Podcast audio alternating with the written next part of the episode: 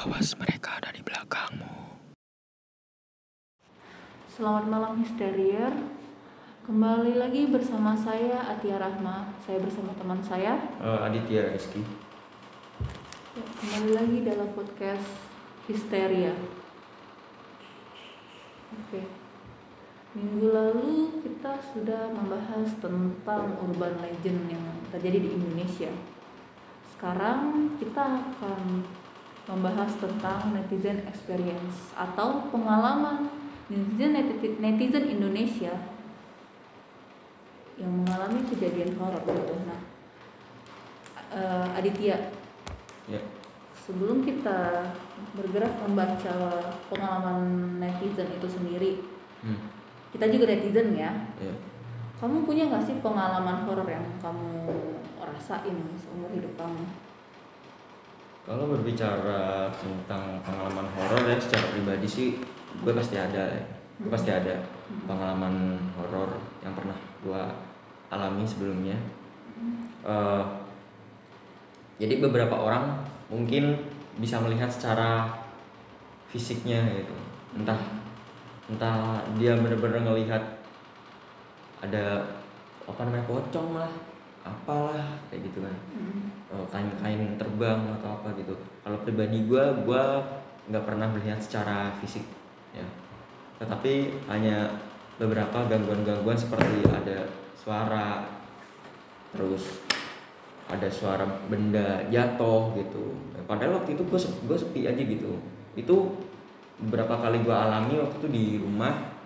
Itu di rumah juga sampai gue alami juga. Terus nggak nggak di rumah aja, gue di kantor juga pernah mengalami hal yang sama. Ya kayak gitu sih.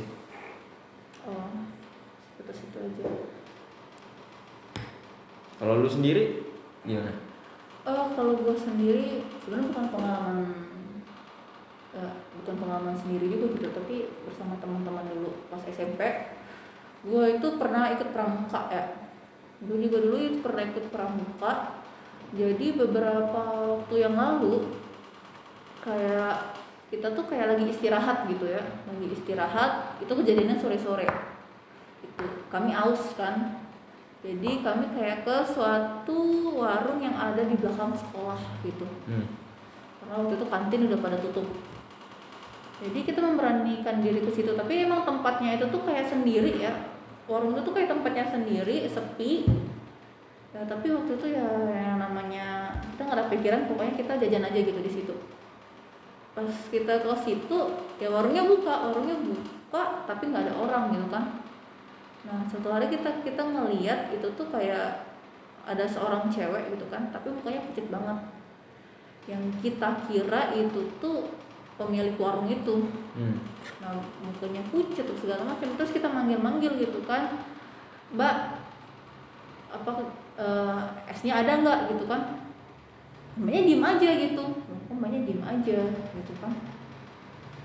Ya udah pas karena ini mbaknya diem aja gitu kan jadi kan kayak ya kita juga percaya nggak enak gitu kan emang apa mukanya juga pucat akhirnya kayak kita mundur beberapa langkah gitu kan terus kayak gue sama teman-teman kayak bisik gitu kan ini kayaknya bukan manusia deh gitu kan Hmm. Soalnya dari, dari tadi dia nggak nanggepin terus tatapan mata dia juga dia nggak ngarah ke kita gitu kan. Ya udah deh kita mundur beberapa langkah gitu kan terus ya, ya kita lari aja gitu. Nah, pas besoknya ya baru kan ada baru ada ibu-ibu itu kan. Terus ibu-ibu itu bilang gitu kan kemarin saya nggak ada di warung situ. Oh. kemarin saya katanya sholat sebentar. Gitu. Oh.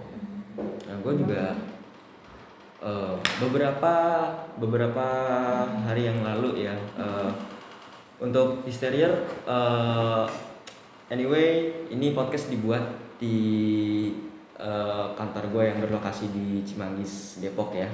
Eh, untuk sobat info aja nih untuk sobat histerier.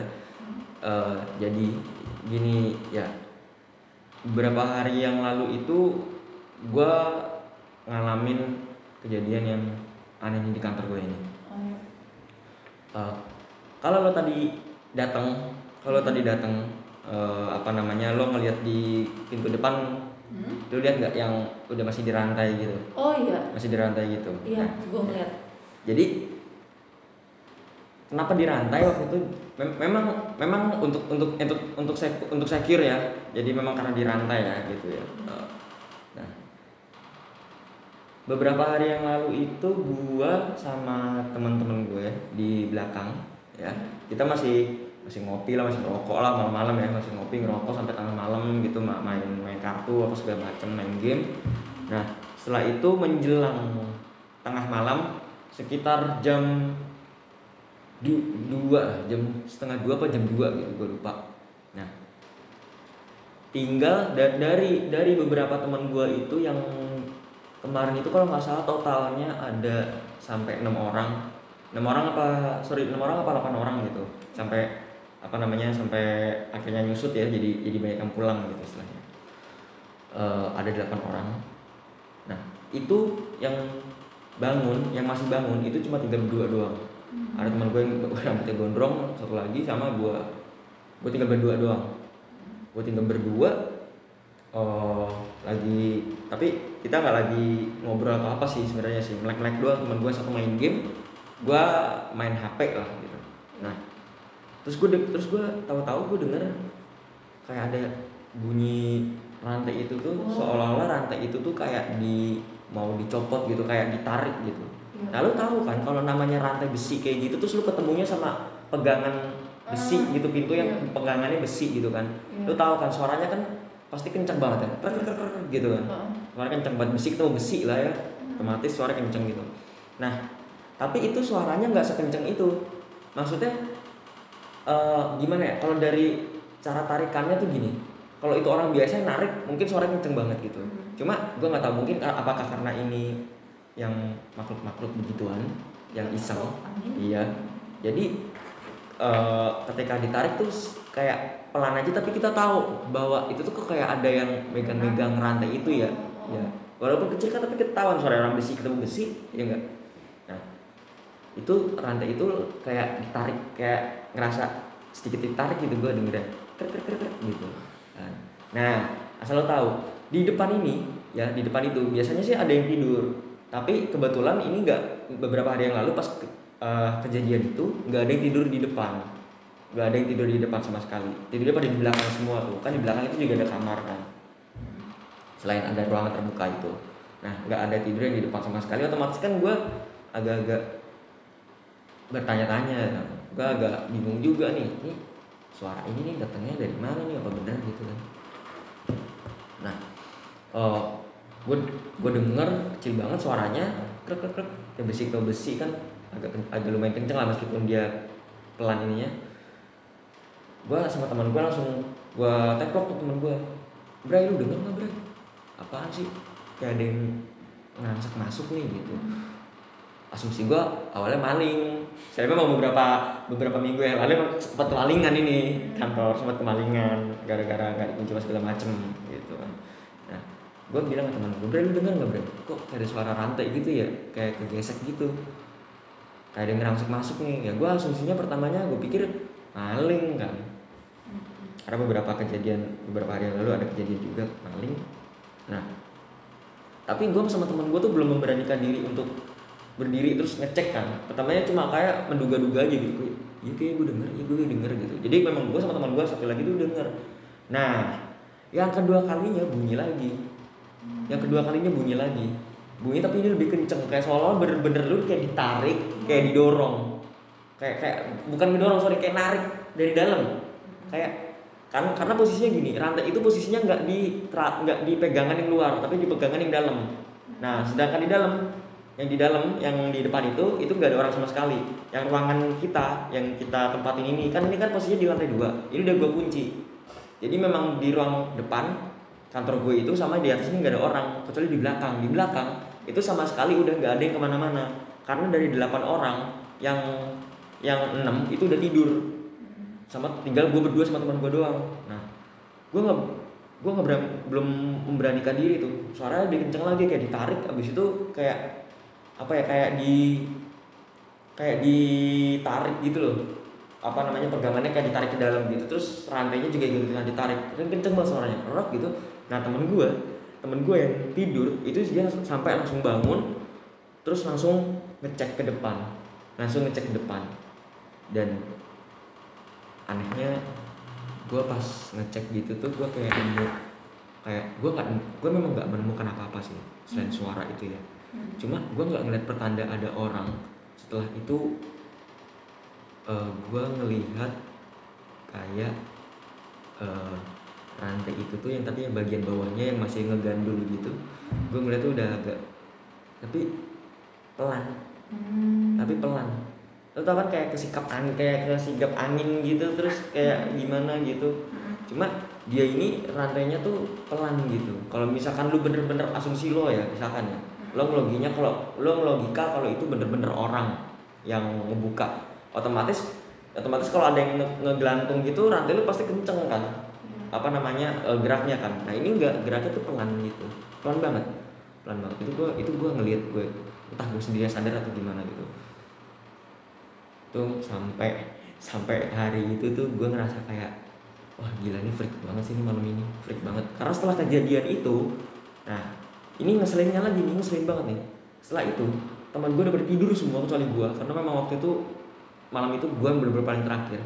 Gue denger pintu pintu tralis pintu besi gitu itu tuh kayak ada yang ngetok kayak lo lo ngetok pintu itu pakai kunci kayak tok tok tok kan tralis ketemu kunci kan gitu kan. Ketambah soalnya nyaring banget tuh.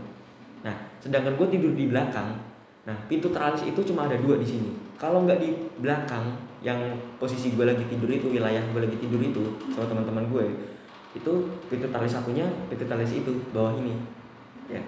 Nah sedangkan gue pas denger itu gue ngelihat ke pintu tralis belakang aja nggak ada orang sama sekali gitu. Sama sekali nggak ada orang gue langsung ngebatin nih. Gue berinding gue Hmm. gue sampai gue sampai ngebatin itu siapa ya datangnya dari mana ya? Kalau ada yang ngetok tuh pintu tralis pintu tralis yang di belakang ini dia nggak ada orang gitu. Apa jangan-jangan di dalam nih di dalam padahal udah nggak ada orang sama sekali. Sama sekali udah nggak ada orang di dalam gitu. Makanya di situ gue langsung wah kalang kabut lah pikiran gue udah nggak jelas udah nggak tahu ke mana-mana pikiran gue makanya gue dari situ langsung berhenti gue langsung memutuskan gue langsung tidur dah gue langsung gue merem-meremin deh gue pakai headset kan gue kencengin headset gue sekenceng-kencengnya udah terus itu besok ya seperti tidak terjadi apa-apa gitu cuma kalau gue inget-inget waktu kejadian kejadian itu emang itu gila banget sih Oke, kita sudah menceritakan masing-masing kejadian serem kita gitu kan ke Hmm. kita. Sekarang kita akan membacakan cerita dari netizen. Oke. Ini dari Quora. Dari Quora. Oke. dari quora.com ya Hmm. Mm-mm. Nih, gue perlu dulu nih yang menceritakan Oh. Oh, gue dulu ya, dari gue dulu ya, oke. Kita langsung eh, membacakan pengalaman-pengalaman netizen ya ini eh, sobat histerier. Datang dari Fadil, sebut saja Fadil ya. Hmm. Oke, langsung langsung aja gue bacakan. Waktu kelas 3 SMA, saya liburan ke Pekanbaru dan nginap di rumah adiknya mama atau omnya ya. Walaupun rumahnya sangat besar, sebenarnya saya ngerasa agak enak juga kalau liburan harus numpang nginap. Soalnya om saya ini juga udah punya anak istri. Waktu itu om saya direktur di sebuah rumah sakit swasta. Sebut saja Ibnu Sina. Selain sebagai direktur om, om saya juga entrepreneur. Dia punya tiga mobil ambulan yang beroperasi di rumah sakit Ibnu Sina. Mumpung jadi direktur kali. Nah, satu dari tiga orang sopir ambulan tersebut masih terhitung saudara dengan kami, walaupun usianya jauh lebih tua dari saya. Tapi dulu waktu di kampung saya sering nongkrong bareng sama dia. Sebut saja namanya Jody. Pada hari itu kebetulan Jody dapat sewa anterin jenazah ke kota Medan. Maka saya melihat kesempatan ini untuk liburan tanpa menginap di rumah Om. Saya ikut nemenin Jody ke Medan. Jody tentu saja nggak bisa ngelarang. Anehnya, waktu kami nganter jenazah ke Medan, nggak ada seorang pun keluarga jenazah yang ikut bersama ambulan. Artinya hanya saya, Jody dan jenazah yang ada di mobil selama perjalanan kami antara Pekanbaru dan Medan. Kami berangkat sore hari dan perjalanan kemungkinan memakan waktu antara 13 sampai 15 jam. Kami berdua di depan dan jenazah sendirian di belakang. Awalnya nggak enak banget karena bau formalin terasa begitu menyengat ke hidung. Jalan 2 sampai 3 jam bau formalin mulai nggak lagi tercium. Mungkin hidung kami yang udah nggak peka lagi. 6 jam perjalanan hari sudah menjelang tengah malam. Kami masih happy-happy aja ngobrol ngalor ngidul. Saya bilang, Bang Jody, kalau kita nginep di jalan boleh nggak nih? Dijawab, kalau kamu ngantuk ya udah, kita cari penginapan aja, nggak apa-apa kok. Soalnya saya kan mikirnya kalau kita nginap otomatis jenazah juga ikut nginap dong, walaupun hanya di mobil aja. Waktu saya ngomong gitu, kita kebetulan lagi berada di tengah hutan. Jadi harus nunggu dulu sampai keluar dari hutan dan ketemu sama penginapan. Di tengah belantara itu, tiba-tiba Jody memberhentikan mobil dan bilang ke saya untuk ngecek jenazah di belakang. Soalnya antara bagian depan mobil dan bagian belakang itu tertutup kaca yang gak tembus pandang. Karena saya gak ada pikiran yang gimana-gimana, ya saya lanjut turun dan cek belakang mobil. Saya buka pintu belakang dan eng eng eng, you know what? Itu mayat udah duduk di keranda jenazah, persis kayak di film-film horor. Saya berdiri shock, kaki udah nggak bisa gerak, lagian mau lari juga lari ke mana coba? Wong kita di tengah hutan. Gimana deal? Ujar Jody dari depan. Saya jawab, mm, uh, mm, uh. karena mendengar jawaban yang gak jelas, Jody langsung menyusul saya ke belakang. Dan setelah sampai di sebelah saya, Jody juga tertegun beberapa detik. Mulutnya sedikit menganga. Ini orang rumah sakit kerjaannya kok nggak becus, ujar Jody. Masa mayat mau dibawa jauh-jauh yang diikat kaki sama pahanya aja, sambungnya. Saya melihat Jody sebisa mungkin memberanikan diri dan mencoba menularkan keberaniannya ke saya. Berikutnya, dengan tangan gemetar, Jody menidurkan jenazah dan mengikat bagian tubuhnya. Tak ada satu kata pun yang terucap di antara kami beberapa jam kemudian, sampai kami menemukan penginapan dan melanjutkan perjalanan esok paginya. Wow. juga ya bayangin kayak kita apa bawa mayat gitu di tengah-tengah hutan cuma berdua nggak rame-rame Hmm. gue juga sering sih pengalaman istilahnya itu kayak tetangga so ada juga saudara yang meninggal Hmm. itu kan biasanya kan rame-ramean gitu Hmm. nah ini sengaja memang diantarin berdua itu eh, menurut kalian menurut lo sendiri kira-kira masuk akal nggak sih kalau itu tuh kerjaan orang rumah sakit gitu yang kayak dia ceritain tadi eh buat gua sih gini, kalau misalkan kalau misalkan lo nganter jenazah, misalkan lo petugas rumah sakit gitu ya, Iya. yang di bagian jenazah-jenazahan gitu ambulan dan segala macam.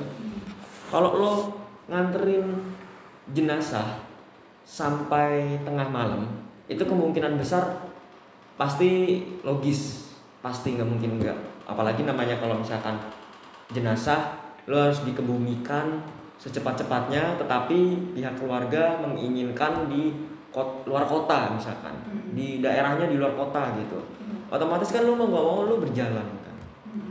berjalan sejauh itu kan sampai tengah malam pun itu bahkan logis gitu nah gue yang gue yang masih bingung kenapa cuma berdua doang tapi tanpa didampingi oleh pihak keluarga. Satu orang pun gak ada pihak keluarga yang mendampingi gitu.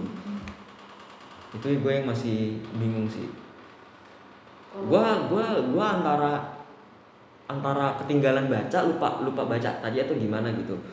Bisa jadi sih ya. Bisa jadi kenapa nggak ditemenin keluarga? Apakah apakah keluarganya menunggu di luar kota sana gitu kan.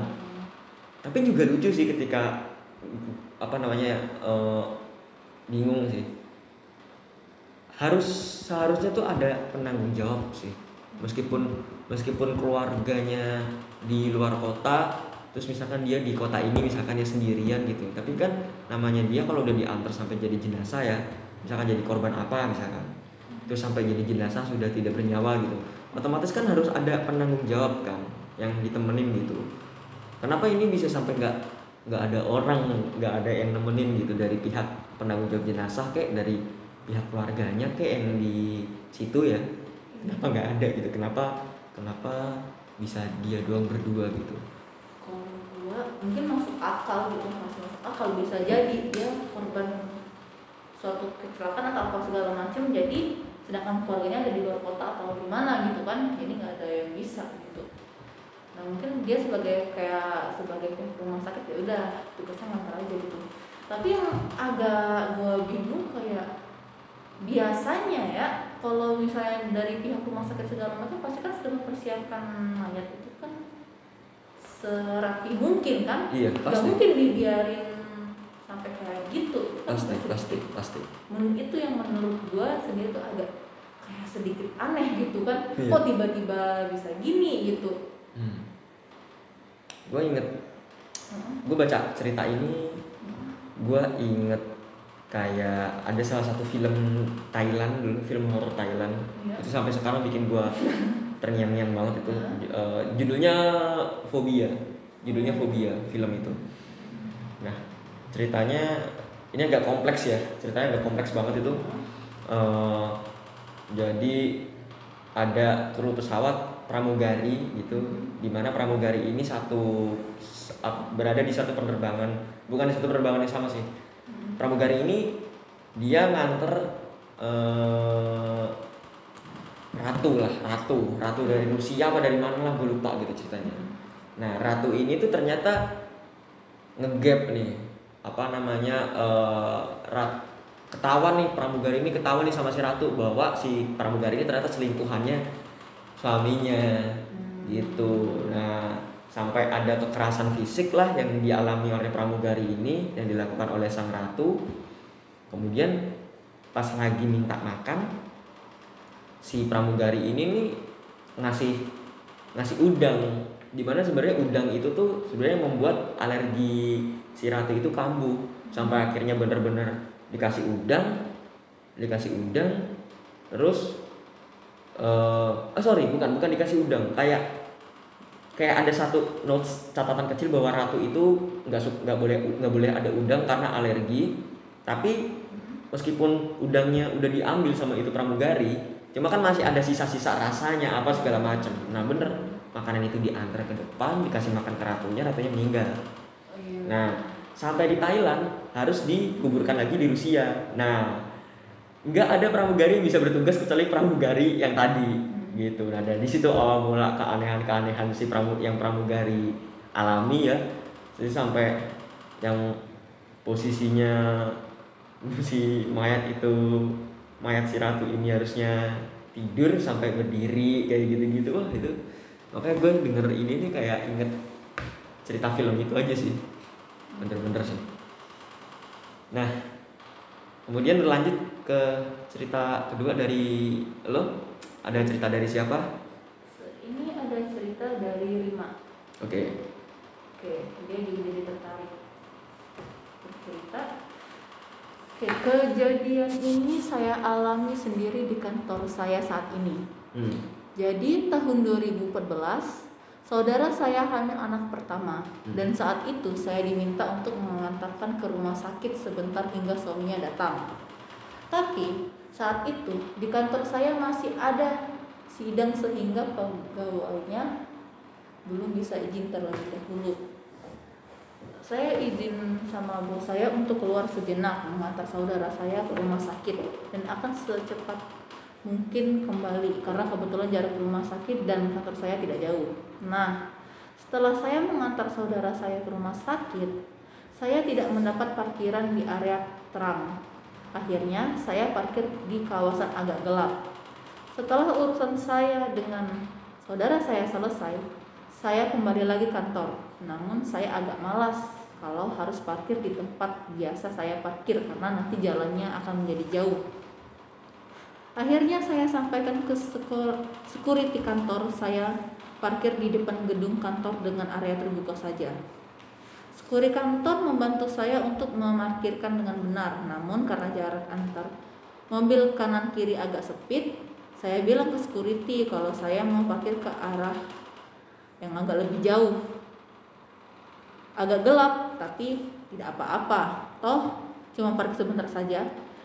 Begitu saya turun, security menanyakan kepada saya, Mbak, benar nggak apa-apa, mobilnya diparkir di situ.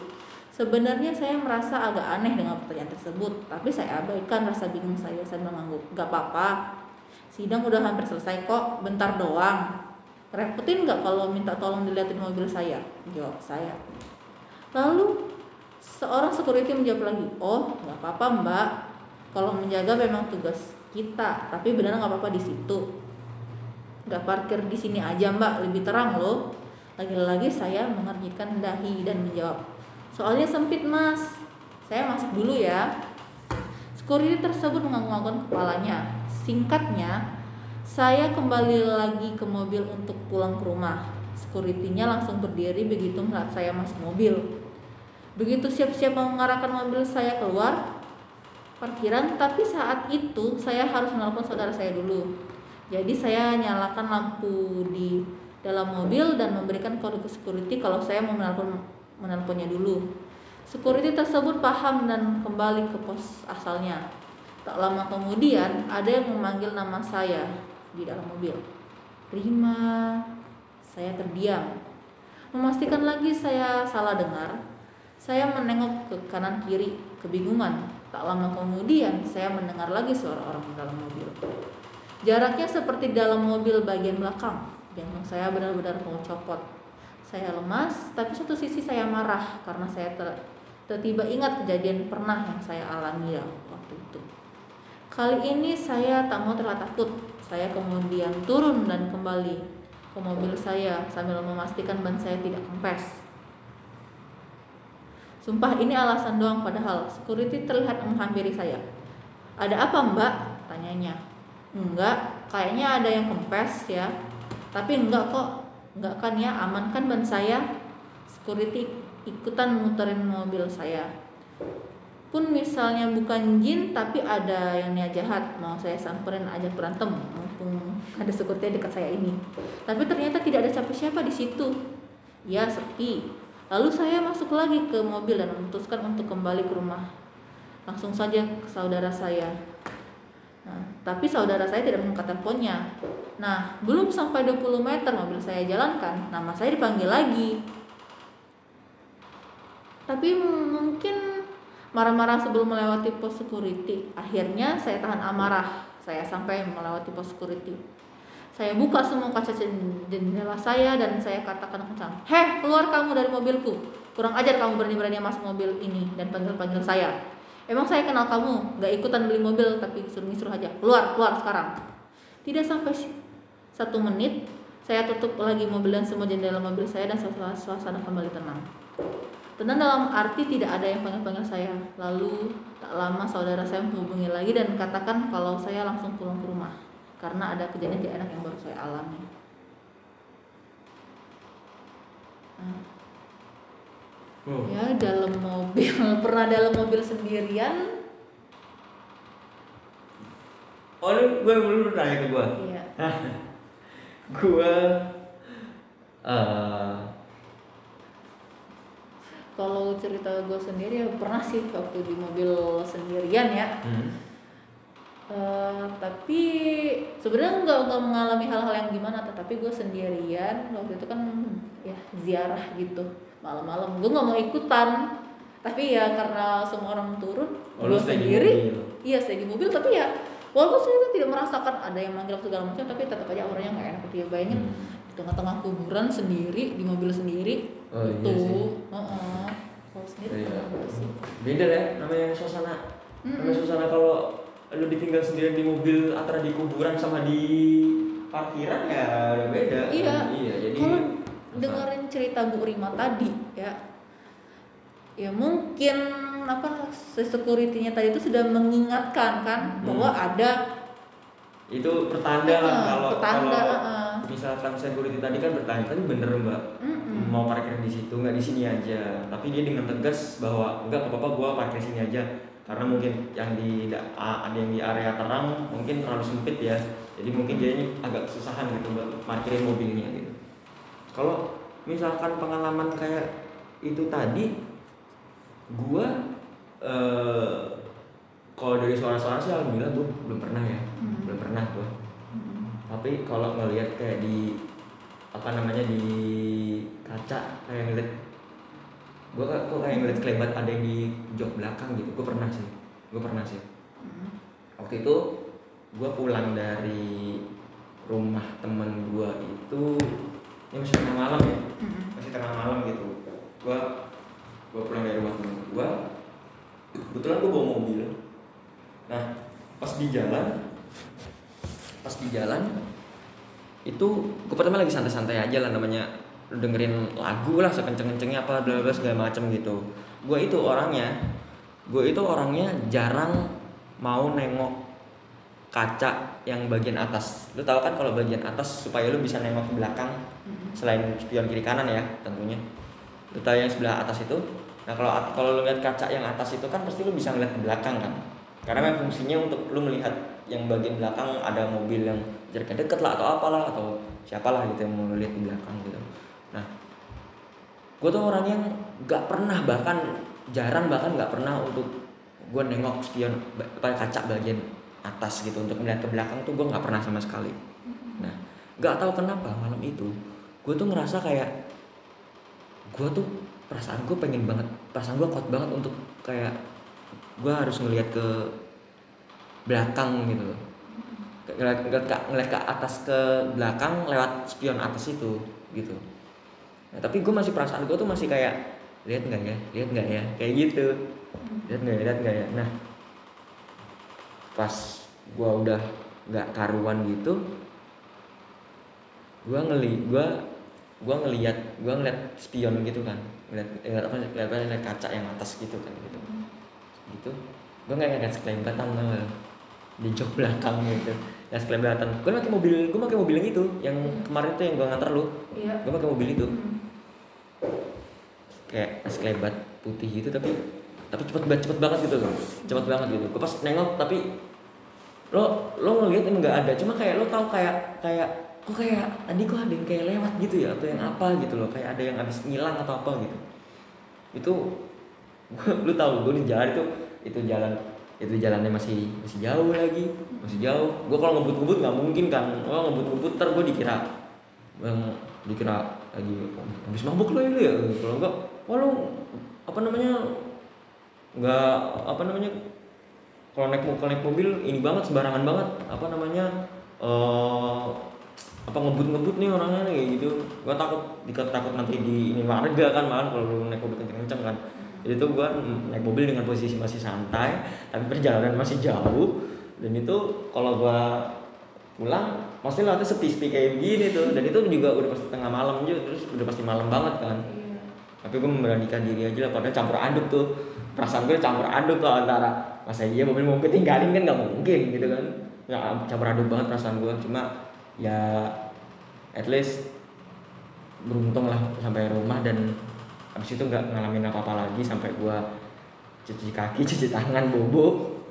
Itu itu sampai bahkan sampai sekarang sih gue masih kepikiran sih kalau kalau gue naik mobil gitu ya apalagi kalau gue posisi sendirian gitu habis ngantar ke mana ngantar ke mana ya, kalau dengar cerita Bu Irma tadi ya, sebenarnya itu jadi pelajaran juga bahwasanya nggak ada salahnya sih kita dengerin omongan orang gitu. hmm. Karena dibalik lagi tadi syukur itu mungkin sudah tahu dia Hmm. bakal Hmm. ada hal yang nggak mengenakan. Hmm. Mungkin syukur itu bisa ngeliat gitu. Oh ada makhluk nih. Salahnya kita mendengarkan orang gitu. Ya sekali dengerin jangan apa ya karena terkadang omongan-omongan orang kalau apalagi di kampung-kampung gitu kan jangan makan itu misalnya kan jangan datang ke situ nah pasti kan ada apa-apanya gitu kan ya jangan sampai kita melanggar kalau melanggar ya udah kita akan menerima konsekuensi kita sendiri Hmm. kayak si Bu Rima tadi. Kalau- Heeh. kalau pelajaran bisa gue ambil beda daripada lu nih Iya. kalau lu kan mungkin kalau lu kan mungkin eh, lo nggak ada salahnya untuk mendengarkan orang lain gitu. Cuma di satu sisi buat gua pribadi itu sebenarnya lo kenapa nggak kasih tahu sama itu orang gitu kan? Karena tadi aja tadi aja dia denger kalau misalkan kalau misalkan eh, apa namanya eh, si satpam ini tuh ngomongnya tuh kayak ada tanda-tanda gitu loh. Iya. kalau ada tanda-tanda gitu kenapa lo nggak kasih tahu sekalian daripada beli kejadian gitu kan? Oh, iya. mending dikasih tahu. Iya, mending mending dikasih tahu. iya iyalah. Mending mending lu ngasih tahu orangnya mending ngasih tahu orangnya biar orang nanti nih pindah parkiran gitu. Karena gue tahu yang namanya cewek dia nggak mau ribet. Apalagi kalau urusan dia bawa kendaraan ya semacam mobil ya. Iya. pasti mau daerahnya gelap kayak apa pun kayak tempat tempat parkirnya. Cuma kalau misalkan emang luas buat parkir pasti dia pilih di situ. Nggak mungkin dia pilih di tempat terang tapi sempit banget. Yang ada nabrak lah lecet lah apalah. Kan perempuan kan gitu gue nggak mau yang ribet deh udah. Gelap gelap deh setan ada setan kayak walaupun dia nggak tahu ada setan atau enggak ya cuma yang penting parkiran itu luas itu sih sebenarnya Nah, sekarang saya ada satu netizen lagi dari Twitter. hmm? Wih, Iya. atas nama siapa ini? Eh, ini kita sama teman sebut aja namanya Nanda. Nanda, oke. Eh, ini min pengal paling pengalaman horor aku dulu waktu KKN pernah mau dibawa ke alam mereka. Buset. Bener nggak? Oh. Ini kayak lebih cerita ke spiritual gitu ya. Arwah gitu. Oke, coba kita dengerin dulu. Kejadiannya tuh lagi tidur siang, terus mimpi tapi kayak nyata gitu. Hmm? Tapi ya pokoknya mimpi Hmm. gitu. Aku tuh mimpi kalau aku bisa lihat diriku sendiri tidur, terus aku menjalan di posko. Kan aku lihat teman aku main gitar di ruang tengah, terus Hmm. ada yang masak di dapur. Nah, pas di depan dapur itu ada bapak-bapak bilang, "Mbak, ikut saya yuk biar Mbak bahagia." Gitu terus. Aku kan kayak batin kok warga desa siapa banget gitu, makanya aku diem aja. Pokoknya bapaknya maksa aku suruh ikut dia, terus akunya jadi makin takut. Nah, kemudian ada induk semang tiba-tiba teriak nggak tahu pakai bahasa Jawa halus nggak paham intinya dia bilang jangan ganggu anak KKN kalau mau cari tumbal gitu. Hmm. terus aku kebangun. Nah pas bangun di kasurku rame banyak orang. Terus induk semangku nanyain aku nggak apa-apa kan? Terus ya semenjak itu dia nggak dibolehin tidur siang. Nah habis kejadian itu tiba-tiba indra keenam tuh meningkat pekaannya jadi lebih sering melihat mereka. Kalau ini jadi mengingatkan dulu yang pernah viral kan yang KKN desa penari ya Iya, ada KKN KKN juga. Gue tadi langsung Uh-uh. langsung mikir ke situ nih KKN KKN nih. Iya. Ya, tapi tapi kenapa ya KKN KKN gitu pasti meninggalkan meninggalkan suatu kesan tersendiri gitu. Iya. Ya karena KKN juga kebanyakan yang yang gue paham ya, yang gue paham ya. Kebanyakan kakak eh, praktik-praktik KKN itu tuh eh, banyak di pedesaan-pedesaan sih ya. Karena memang kan itu untuk kerja nyata ya.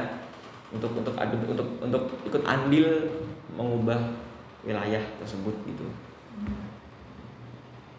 Jadi hal-hal semacam tersebut ya pasti namanya KKN gitu ada aja pasti cerita-ceritanya ada ada apalagi itu di perdesaan gitu kan. Di pedesaan Nah, bukan pengen meng- apa ya menyamakan semua ya. Biasa itu kan ada di di Jawa Jawa gitu ya Hmm. tempat yang kayak gitu selalu ceritanya tuh dari Jawa hmm.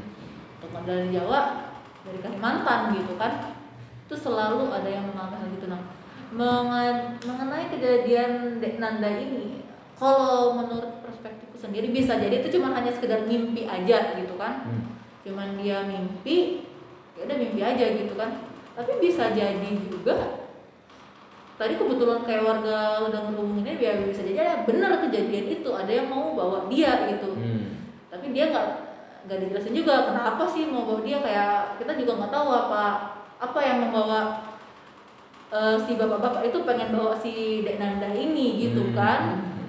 ya aduh susah juga ya kalau iya kalau udah ngobrolin kayak spiritual gitu. Dan ini kejadian di antara nanti tadi ini justru kayak jauh lebih serem ya karena jiwanya mau diambil gitu kan. Ini Tapi- kayak tapi kalau kalau menurut lo gimana tuh diambil jiwanya diambil kayak gitu tuh gimana? Jadinya kayak gimana? Apakah nanti meninggal? Atau gimana sih? Kalau menurut lo? Ya bisa jadi bisa jadi ya. Mungkin itu kan tadi kan mimpi gitu kan. Ya Iya. bisa jadi dia itu tuh kalau menurut mesin bisa jadi dia itu kayak mati suri gitu. Dia melihat arwah dia sendiri. Wah. Mati suri. iya. Bisa jadi gitu kan dia seperti kan. Dan dia melihat arwah dia sendiri eh arwah sorry. Dia melihat jenazah dia sendiri gitu kan. Hmm. Nah, karena dia pengen dibawa gitu kan ke satu eh, jadi sebelumnya ya kan kalau kata orang itu kalau kita tidur ya itu tuh kayak arwah kita tuh berkeliaran. Nah, bisa jadi pada saat ada nanda ini tidur siang gitu kan, mungkin ada arwah yang ngelihat dia ya dibawa lah sama dia gitu kan. Jadi kayak gitu.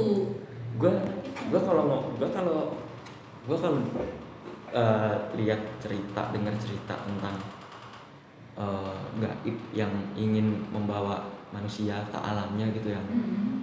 gue mau bawa dia gue mau bawa dia gitu gue gue tuh kayak lebih keinget ke Wewe Gombel loh Oh, Gombel iya. sumpah jadi kayak jadi kayak gini Eh, banyak banyak cerita cerita cerita cerita orang ataupun yang dari film-film ya eh, mereka tuh menggambarkan merepresentasikan tuh seperti ini. Kalau Wewe Gombel itu nyulik anak kecil biasanya anak kecil itu tahu kita tahu keberadaan kita tapi kita itu nggak tahu keberadaan dia gitu. Dan gimana ya kayak lu bisa ngeliat gue tapi gue nggak bisa ngeliat lo. Jadi kayak gitu terus minta tolong sampai minta tolong sampai secapek capeknya kayak tapi nggak denger gitu. Dan hanya ketemu lu sama si Wewe Gombel ini entah mungkin lu disusuin kayak diapain kayak gitu kan. Tapi ada beberapa ritual atau doa-doa atau apa sehingga anak tersebut bisa baik lagi. Tapi pas balik lagi lu juga harus tahu nih biasanya ketemunya di mana. Kalau nggak di atas pohon ya. Kalau nggak di atas pohon ketemu di semak-semak. Itu ya itu beberapa cerita ya yang pernah gue tahu gitu. Ada anak kecil diculik dari gombel ketemunya di eh, rumput di rumput-rumput yang rumput yang apa namanya udah oh udah ini banget tebel banget lah gitu. Ketemu di pohon soal gitu. Tuh nyangkut di pohon tengah malam. Wah itu makanya dulu zaman gua kecil sampai dulu tuh kan apa mitos-mitosnya kan maghrib maghrib jangan main petak umpet ntar diumpetin sama kayak gombel gua tuh gua tuh masih inget tuh kalau cerita-cerita itu tuh dulu tuh itu seram sih Iya. Nah, balik lagi tadi yang masalah KKN kemarin. Kalau dengan cerita KKN KKN ini ya memang bener sih. Balik lagi sih saya ngingetin ke yang desa penari itu. hmm. Kayak hampir kayak persis juga gitu. Maksudnya itu yang jiwanya mau diambil gitu kan. nah, Yang di desa penari juga kalau nggak salah yang jiwanya siapa sih Ayu apa nggak salah itu kan ngikutin yang dia arwahnya si Ayu sama si Bima apa ya kan yang arwahnya ke alam sana gak balik-balik lagi gitu kan Hmm. kayak terus yang ada di dalam tubuh mereka tuh entah siapa gitu kan. Oh. jadi sampai akhirnya si Ayu sama Bima ini meninggal gitu kan. Oh. Ya, tapi pelajaran kalau denger ini gua bisa berpikir gini sih. Nggak ada nggak ada akibat kalau nggak ada sebab. Iya. Pasti ada sebab ada akibat ya enggak ya benar. Dia saya dia sampai seperti itu pun Mungkin pasti ada, sebabnya. mungkin ada sebabnya yang buat dia nggak terjadi apa-apa tidak tidak melakukan kesalahan apa-apa. Tetapi kalau untuk makhluk lain mungkin dia berbuat kesalahan. Entah nggak sopan atau apa.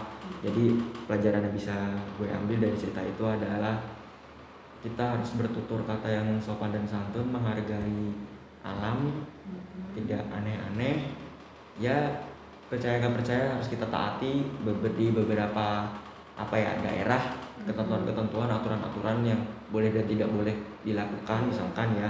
Ya itu semua demi kebaikan lah kayak gitu. Iya, benar. jadi apa pun pokoknya kita harus harus harus bersikap yang baik eh, di daerah di wilayah orang ya Iya. di wilayah sendiri aja kita harus berbuat baik gitu kan. Harus berlaku baik. Benar gitu. apalagi di daerah orang kita nggak tahu nanti apa yang terjadi kalau misalkan dia sembarangan gitu. Itu sih yang bisa ambil sih. Benar. Kalau kalau di yang KKN ini saya nggak pernah KKN ya karena saya magang gitu kan.